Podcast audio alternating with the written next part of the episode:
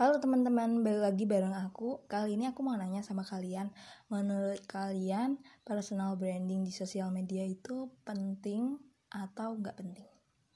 Nah, aku udah uh, bikin vote di Instagram dan hasilnya 78 orang uh, 78% orang menyatakan kalau personal branding di sosial media itu penting. Dan 22% lainnya mengatakan bahwa itu nggak terlalu penting dan aku mau ngasih uh, my honest opinion sama berdasarkan experience aku gitu kan ya. Jadi menurut aku social branding eh salah personal branding di sosial media itu penting. Karena orang itu bisa ngelihat potensi kita dari sosial media gitu. Jadi kalau kita punya sesuatu hal yang menurut kita itu bernilai gitu katakanlah skill atau apa itu kita tunjukkan lewat sosial media.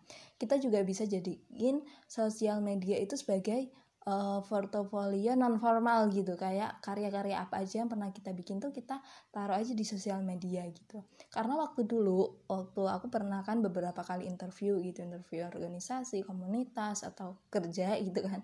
Itu ditanyain sosial media gitu Instagram kamu apa? gitu. Aku ngasih tunjuk Instagram aku. Nah aku nggak ngerti yang dicari mereka dari Instagram aku tuh apa tapi dari situ uh, orang tuh bisa notice gitu oh kamu bisa ini ya.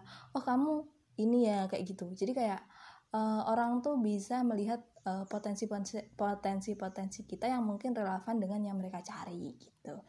Jadi menurut aku seperti itu. Terima kasih sudah mendengarkan. Bye bye